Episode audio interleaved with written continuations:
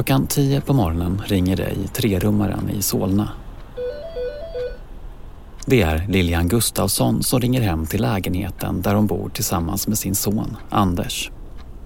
Lilian har firat nyårsafton hos vänner där hon också sovit över. Och ingen svarade.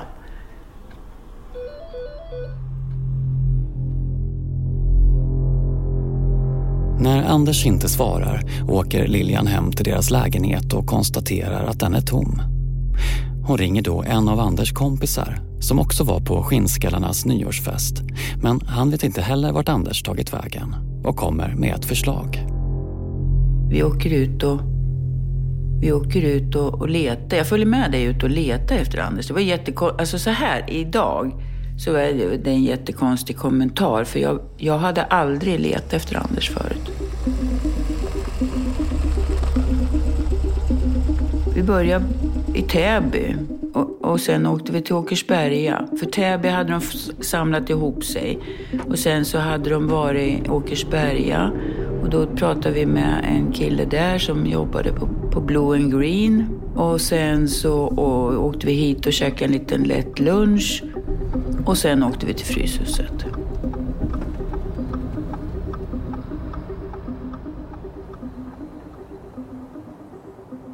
Lilian svänger in med bilen på Alsnögatan i norra Hammarbyhamnen och stannar framför Skinhead-lokalen. En av Anders två kompisar går in i lokalen och frågar efter Anders. Men ingen av dem som är där har sett honom. Däremot får han reda på att det varit efterfest i en båt som ligger förtöjd i hamnen. Han hoppar in i bilen igen och Lilian kör ner på kajen. Så stod det några gamla kranar, kommer jag ihåg. Och längst bort så var det, höll de på att riva det här eh, magasinet, då, saltlagret. Den stora lagerlokalen på kajen har gapande hål i sig. Plåt, betong och böjda armeringsjärn ligger i högar på marken runt omkring. Och där står också några polisbilar. Då var det avspärrat där. Det var ju en brottsplatsundersökning. Jag såg kamerablixtar och sådär. Och då gick jag fram och pratade med en kvinnlig polis. Har du anmält honom eh, för försvunnen? Nej, så det har jag inte gjort. Men han kommer säkert... För han, alltså, i min värld var han inte försvunnen. Och han var definitivt inte död. Men då gick kompisen fram och eh, och gav signalement och då bad hon oss vänta i bilen. Det har blivit eftermiddag den första dagen på det nya året 1995 och skymningen är på väg. När två män i gråblå overaller närmar sig bilen. De är kriminaltekniker och Lilian går ut ur bilen för att möta dem. Och så sa de att det var förmodligen Anders som var död. Eh, och då, då stannar ju världen, då stänger ju hjärnan ner. Det är som en, eh, det är som en eh, kortslutning.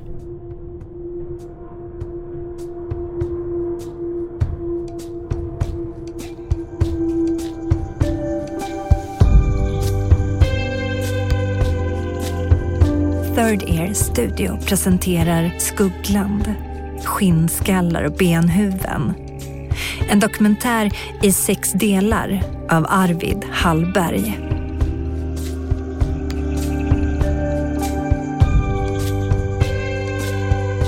Avsnitt 6.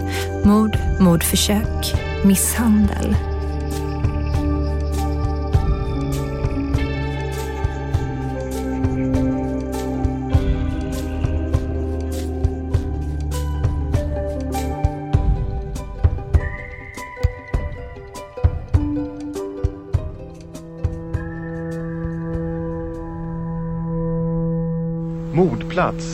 En utriven lagerlokal i norra Hammarbyhamnen, Stockholm. Tid. Nyårsdagens första timmar. Offret. En 16-årig skolpojke. SVT Aktuellt den 3 januari 1995.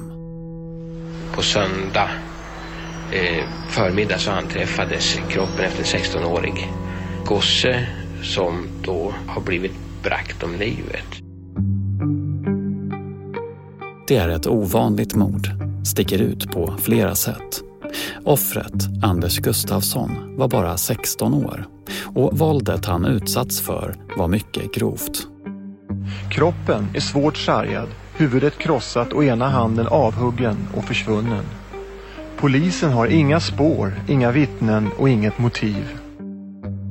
En omfattande utredning dras igång och polisen försöker identifiera och förhöra alla de som befann sig i Skinnskallelokalen på nyårsaftonen.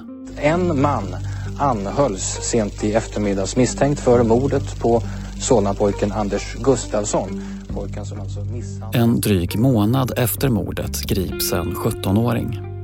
Han blir anhållen, sen häktad, men släpps efter några dagar. Sen går hela utredningen i stå. Jag har ju blivit förhörd för det mordet.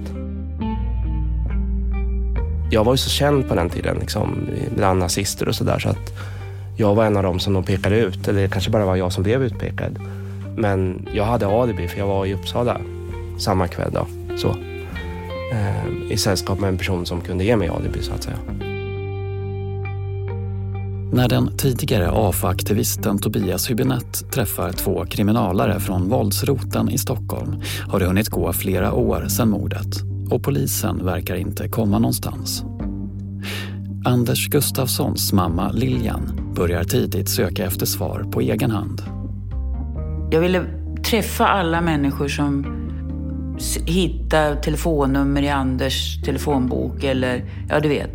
Då ville jag prata med dem om för att få någon slags förklaring. Alltså, har han sagt något? Har han gjort något? Det finns en person bland Anders bekanta som han vid tiden innan mordet försökte undvika.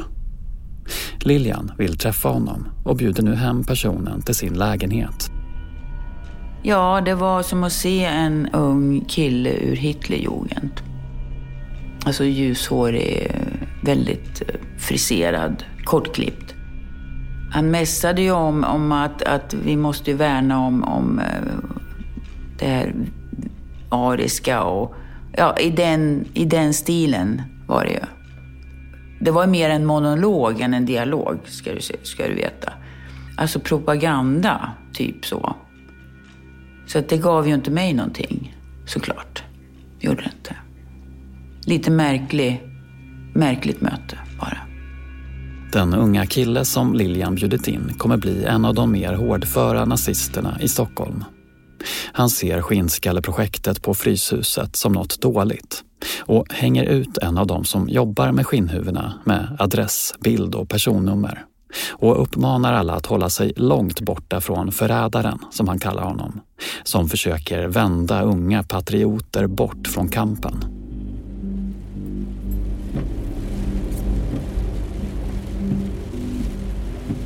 Anders mamma Lilian kör runt i Stockholm i sin vita Toyota Starlet. I bakrutan har hon tejpat upp ett stort porträtt av sonen. Så hade jag någon text att eh, eh, mördad kunde jag skriva någon gång och så mitt telefonnummer. Kanske kommer någon som vet något se bilden med telefonnumret och höra av sig till slut. Och jag gjorde även i Kungsträdgården i flera, flera år faktiskt under Vattenfestivalen. Så jag, gjorde jag och mina vänner. Vi hade brandgula, orangea skjortor på oss med texten och eh, Varför kom Anders inte hem? Och så en bild på Anders, han blev mördad på ryggen. Och så delade vi ut flygblad. Alltså jag gjorde massa saker för att inte gå under.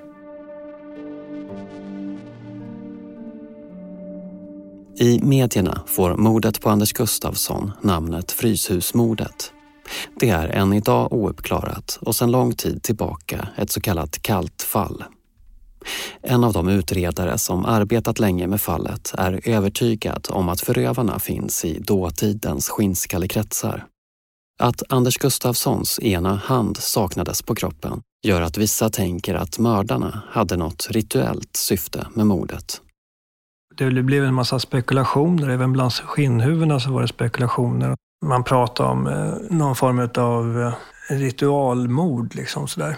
Klart att misstankarna liksom går ju till grupperingarna som fanns runt omkring skinnhuvudena. Så. Arne Danner och hans kollegor på Fryshuset är förstås skakade av det som hänt.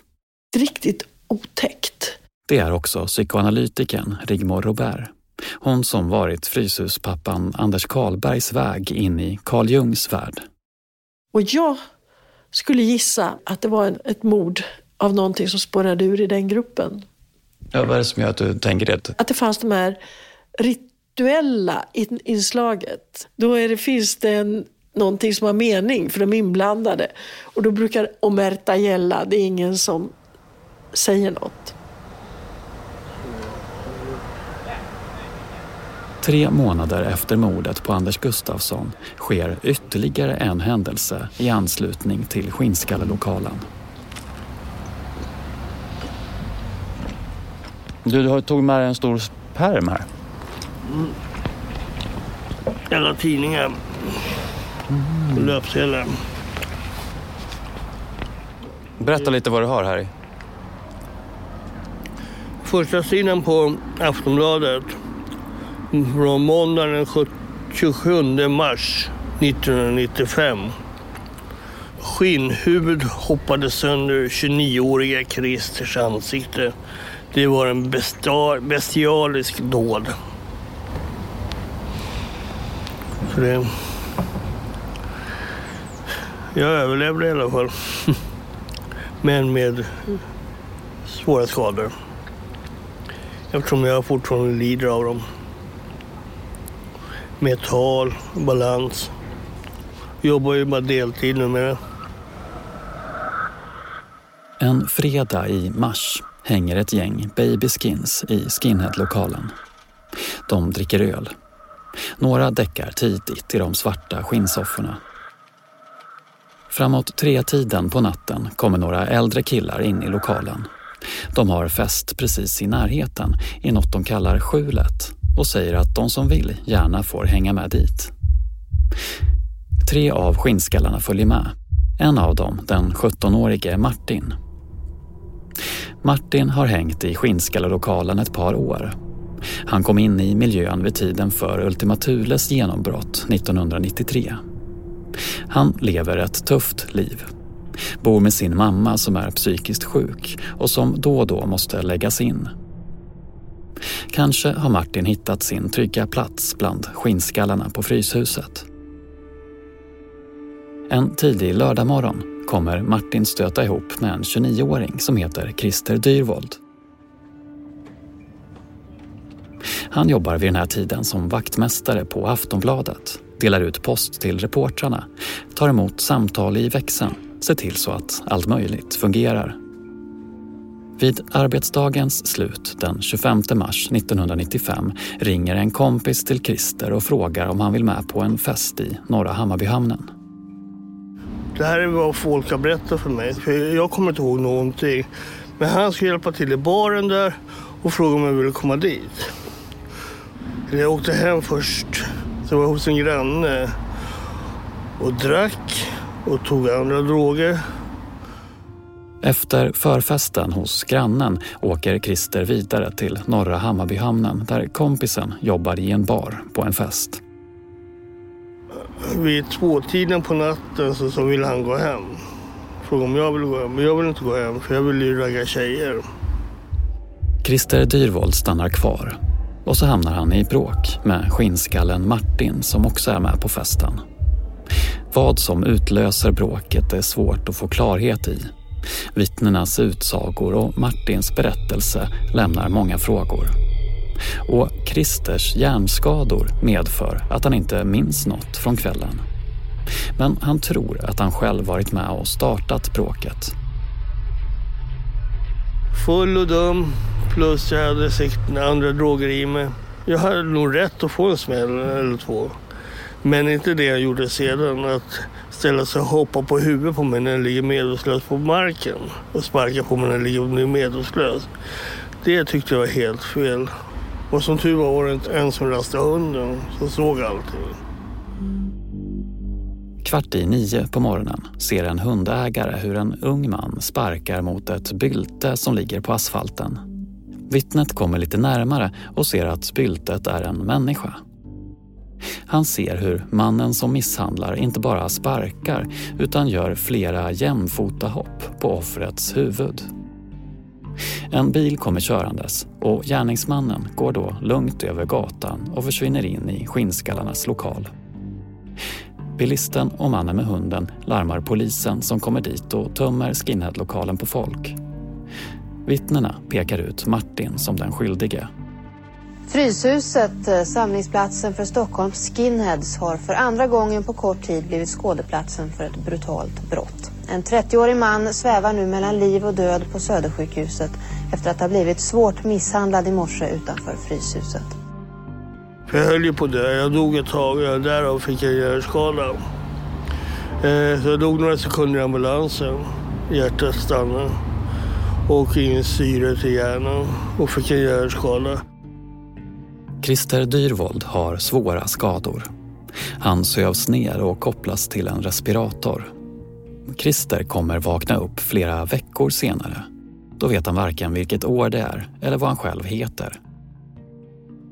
Återigen skinheads och våld. Är det då rimligt att skattefinansiera skinheadsens samlingslokal med 200 000 kronor om året? På sjukhuset svävar Christer Dyrvold mellan liv och död. Och politikerna i stadshuset, de som hittills varit på Anders Karlbergs sida i frågan om Skinnskallalokalen, börjar ifrågasätta hela projektet. Vad tycker du? Ska skinnskallarna få hålla till i Fryshuset fortfarande? Ska ni fortsätta att ge pengar till dem? I Studio 1 intervjuas folkpartisten och ordföranden i fritidsnämnden. Det känns oerhört svårt att veta att vi ger kommunala skattepengar till, till någonting som har urartat så, så våldsamt som det har gjort nu. Anders Karlberg som tidigare varit tuff och konfrontativ i intervjusammanhang är nu märkbart dämpad efter det som hänt knappt två dygn tidigare. Anders Karlberg, du känner då den här 17-årige gärningsmannen. Mm. Är, är, du förvånad över att det var just han? Ja, jag är det. Därför det här är en kille som har hängt säkert två, tre år på Fryshuset. Eh, många av de här killarna är lite Dr. Jekyll och Mr. Hyde. Eh, för mig har jag varit en ganska mjuk, timid kille, ganska fåordig, tillbakadragen. Och så händer det här och eh, det känns ju som ett misslyckande givetvis.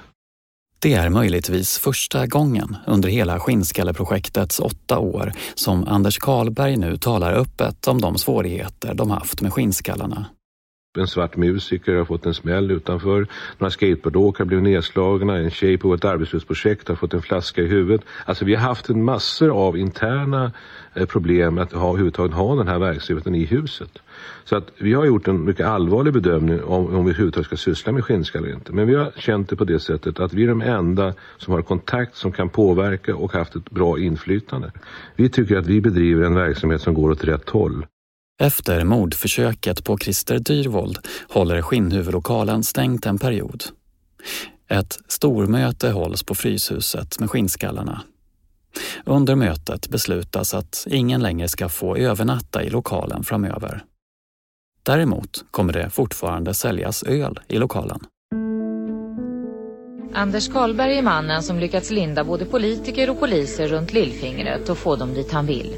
I år fick Fryshuset 4,7 miljoner och utöver det 200 000 kronor till skinnhuvudverksamheten. Karlberg är aktiv socialdemokrat och sitter i kommunfullmäktige men får även andra partier på sin sida.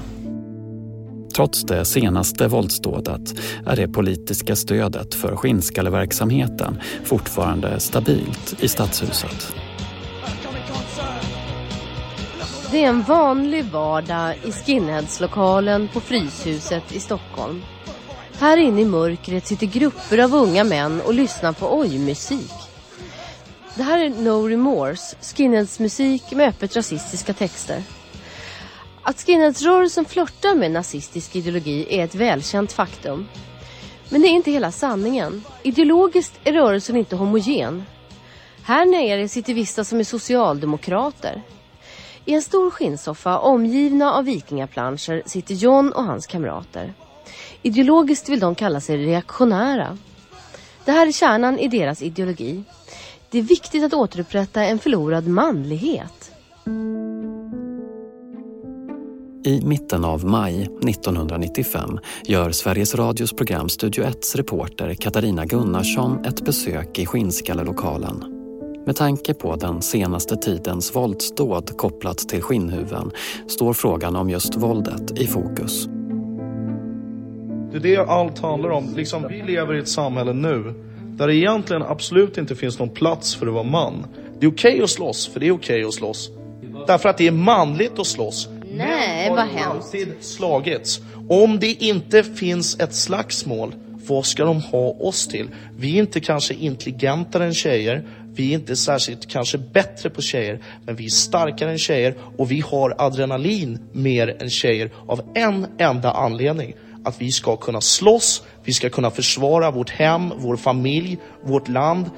Det är därför vi män finns till.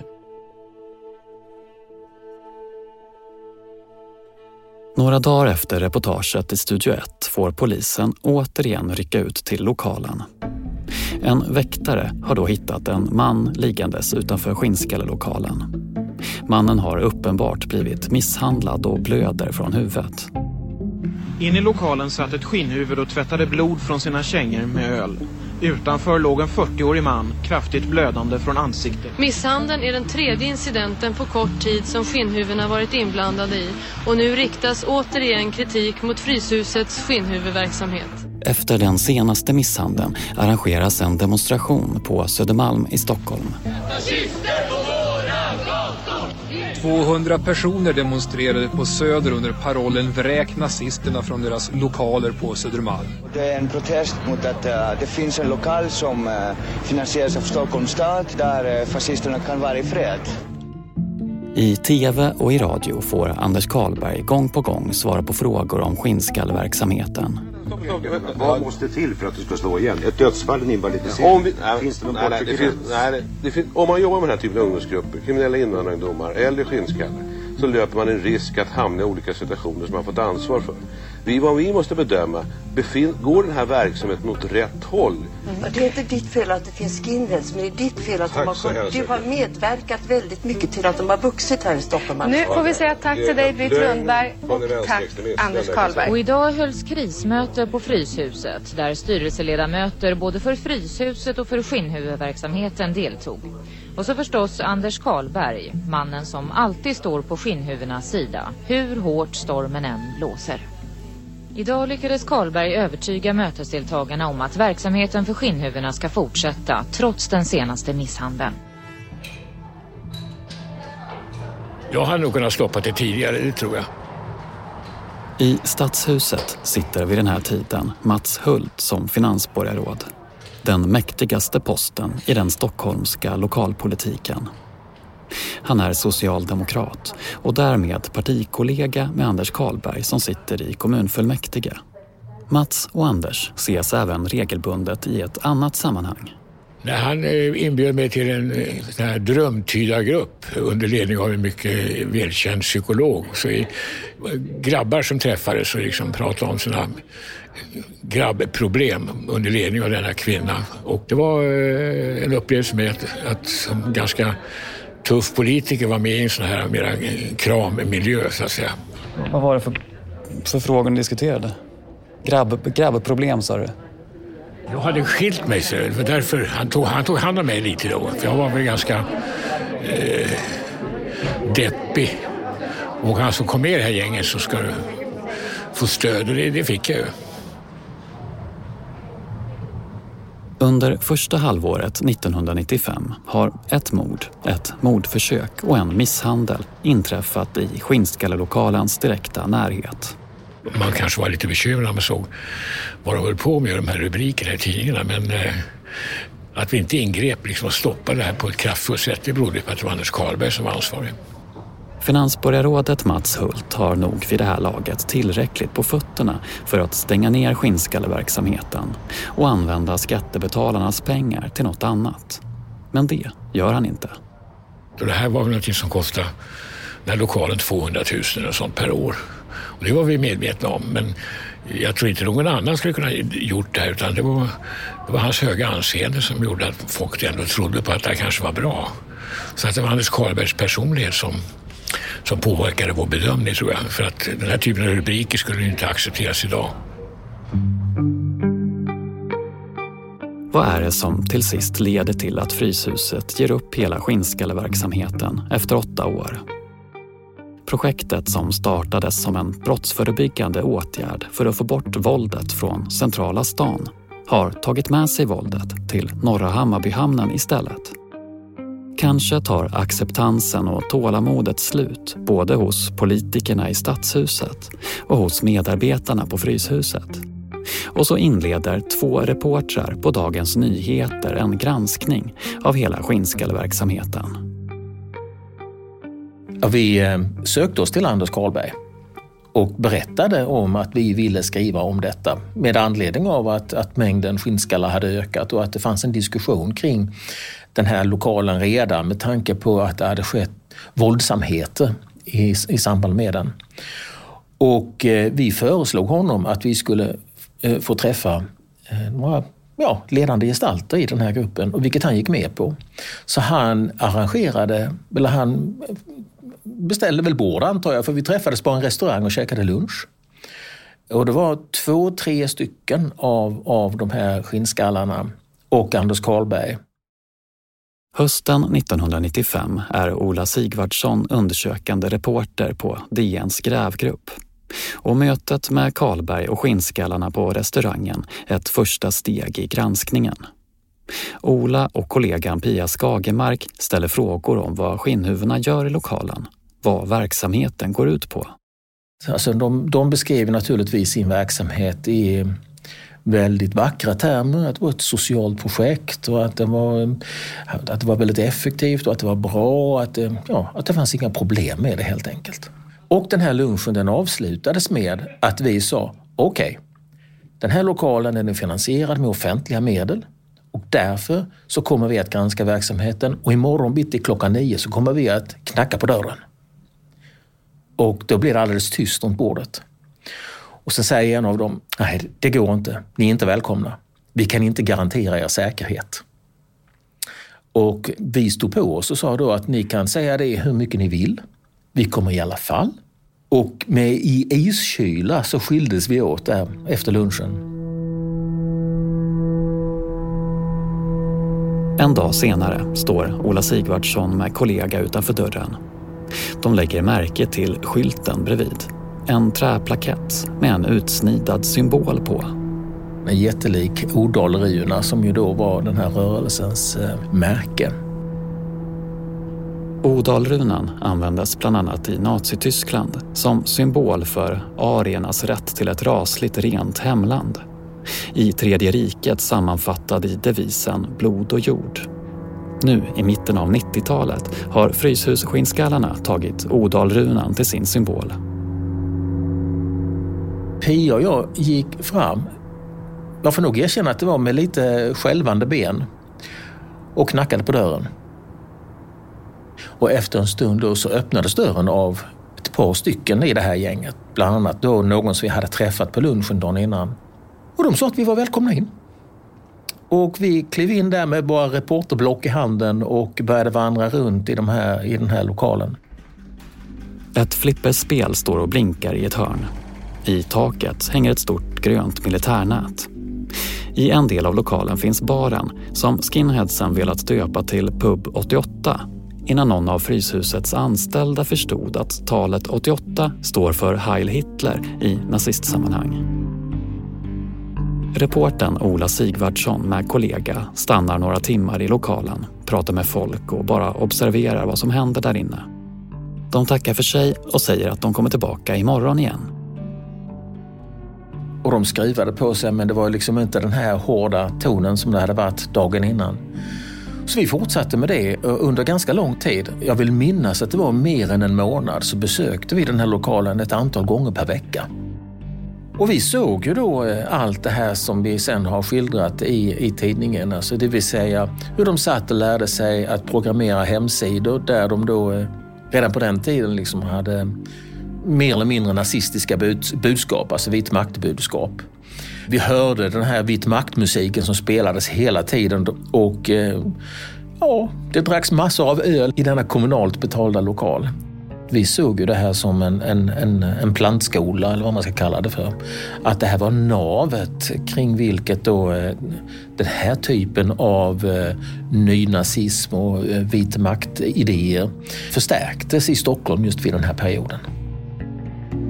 I slutet av november 1995 publiceras det granskande reportaget i Dagens Nyheter. Nazism, fylleri och slagsmål var rubriken. Två dagar senare är det sammanträde i Stockholms kommunfullmäktige. Folkpartiets Jan Björklund går upp i talarstolen. Han har med sig två tidningar. Den ena är den rasistiska tidningen Nordland vars ansvarige utgivare är en av ledarfigurerna i Skinnskallelokalen. Den andra är Dagens Nyheter med Ola Sigvardssons artikel. Jan Björklund beskyller Socialdemokraterna och Moderaterna i Stadshuset för att ha skyfflat in pengar i projektet och blundat för konsekvenserna. Han säger att det är dags att sluta dalta med nynazismen och omedelbart slå igen den kommunala skinheadlokalen. Som jag minns det så var det så att, att eh, det, var, det ställdes ett ultimatum från stadens sida. Alltså att antingen slutar ni eh, att eh, ta Fryshusets pengar till den här verksamheten eller också kommer vi att reducera eh, övriga fonder till er. Så minns jag det i alla fall. Vilket ju ledde till att lokalen stängdes. Hela den här skinnhuvudhistorien höll på att skälpa Fryshuset rent eh, ekonomiskt. För att finansiärer så eh, drog sig ur.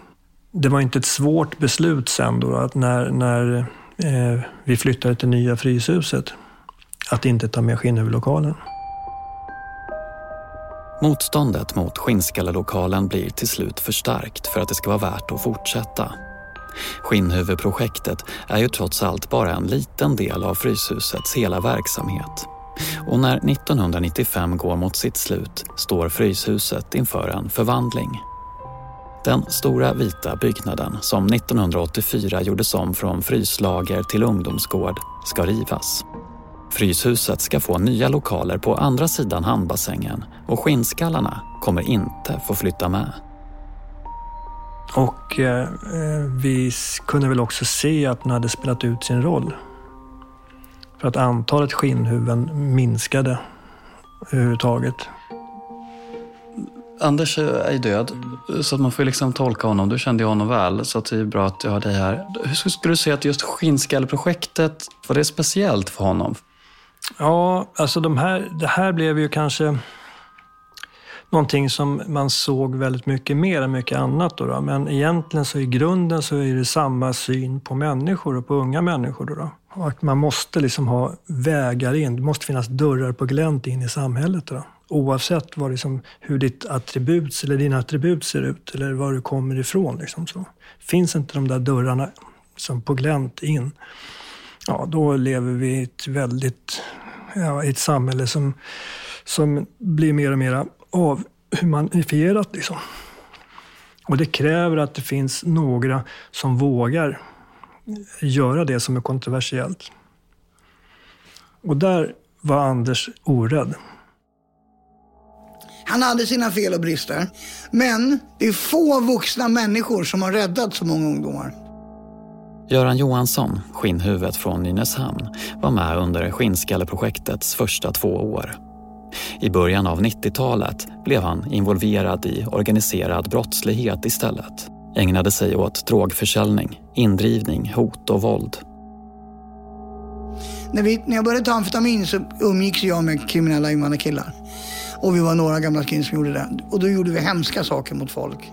Men de hade gjort bort sig. Det var i den världen. Har man eh, gett sig på någon som man har behandlat som skit och springpojke, sen misshandlar dem, misshandlar deras fru, skrämmer deras barn och dödar deras hund. Om man då får ett par timmar naken i skogen i en tunna igensvetsad och lämnar där i tre dagar, tycker jag att man har förtjänat det. För de tror att de ska dö. Och det låter hemskt. Har du, har du varit med och gjort det? Ja.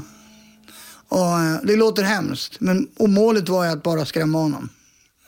Men då var ju vi kriminella. Mot slutet av 90-talet är det hos Anders Karlberg på Fryshuset som Göran Johansson hittar fast mark igen. Han börjar jobba på Exit som är Fryshusets avhopparverksamhet där nazister, fundamentalister och vänsterextremister kan få hjälp att lämna en destruktiv miljö.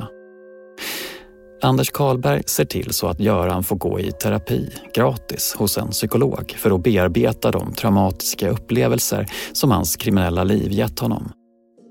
Och Göran blir medbjuden på Fryshusets konferensresa till Gran Canaria. Redan på Arlanda super han sig full tillsammans med en för detta nazist och de fortsätter drickandet varje kväll och natt. På morgnarna kliver de in i konferensrummen med ett illa dolt bakrus. Solbrillor och sommarhattar. Och så sista kvällen då sa Karlberg så här, nu är jag förbannad på er grabbar. Ja, jo, det kan jag förstå. Vi har ju bara supit sen vi kom hit. Ja, så ikväll ska ni vara med på drömtydningar. Så vi satt ute vid poolen. Jag hade en period där jag drömde jättemycket sjuka drömmar och jag visste när jag vaknade så paniken jag hade när jag vaknade var har jag drömt det här? Har jag sett det på en film eller har jag verkligen gjort det? Vad kunde det vara? Ja, mycket våld. Mycket, mycket våld. Övervåld. Så här. Jag har ju resande på brå. Jag älskar knivar. Och det du fick drömde jag... om knivar? Ja, jag drömde om att jag knivhögg folk. Under arbetet med den här serien har jag pratat med många personer som var unga på 90-talet och som då träffade Anders Karlberg. En som hängde i Skinnskallelokalen ser honom som en hjälte. Någon som tog unga människor på allvar och säger att Karlberg borde stå staty i Hammarbyhamnen. En annan jag talar med, som då tillhörde kategorin värsting med invandrarbakgrund, säger samma sak och att han har Anders att tacka för sitt liv. Han gav chans på chans på chans på chans på chans. Jag har aldrig träffat en människa som ger så många chanser. Han öppnade dörren för allt och alla. Vad tänkte Anders Karlberg i efterhand om Skinnskalleprojektet? I de flesta intervjuer jag läst går han ut i försvar. Han hävdar ofta att våldet runt helikopterplattan i Gamla stan minskade drastiskt när skinnskallebracken ställdes upp utanför Fryshuset 1988 och att det var det som från början var syftet med det hela, att få bukt på våldet. Men så hittar jag en intervju med Anders Karlberg i en liten branschtidning för socialt arbete och sjukvårdsfrågor. Intervjun är gjord två år innan Anders Karlberg gick bort. Där säger han apropå mordet och misshandelsfallen där skinnskallar var inblandade, att han och hans medarbetare varit naiva. Att de borde styrt upp skinnskalleverksamheten mer i detalj och att de tråkiga händelserna då kanske inte hade behövt ske. Där har vi dem. För förklara, vad är det för några? Dr. Martens, vinröda, utan stålhätta nu för tiden. Vad är, betyder den röda färgen något? Nej, det här med skosnören och allt det här, det betyder inte ett skit. Det där är någonting som nassarna kom på. Rött och svart säger de att det betyder att du har sparkat en svart. Ja, men vänta, det är ju syndikalisterna i Sverige. Så folk bara hittar på. Vad är klockan egentligen? Jävlar. Ja, ja kan jag lyfta med dig dit bort? Självklart. Jag ska bara hämta ja. plånboken.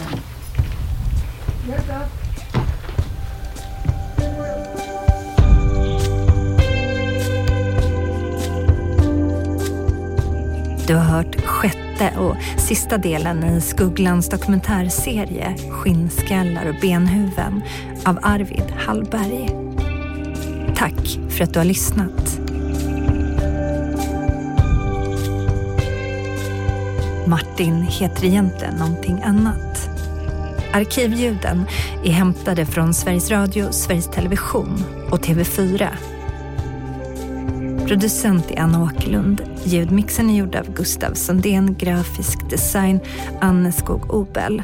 Signaturen är skriven av Jonathan Johansson och i Skugglans redaktion ingår även Mårten Truffast, Sara Lundin, Love Lissarides, Joel Silberstein Hunt och David Mer.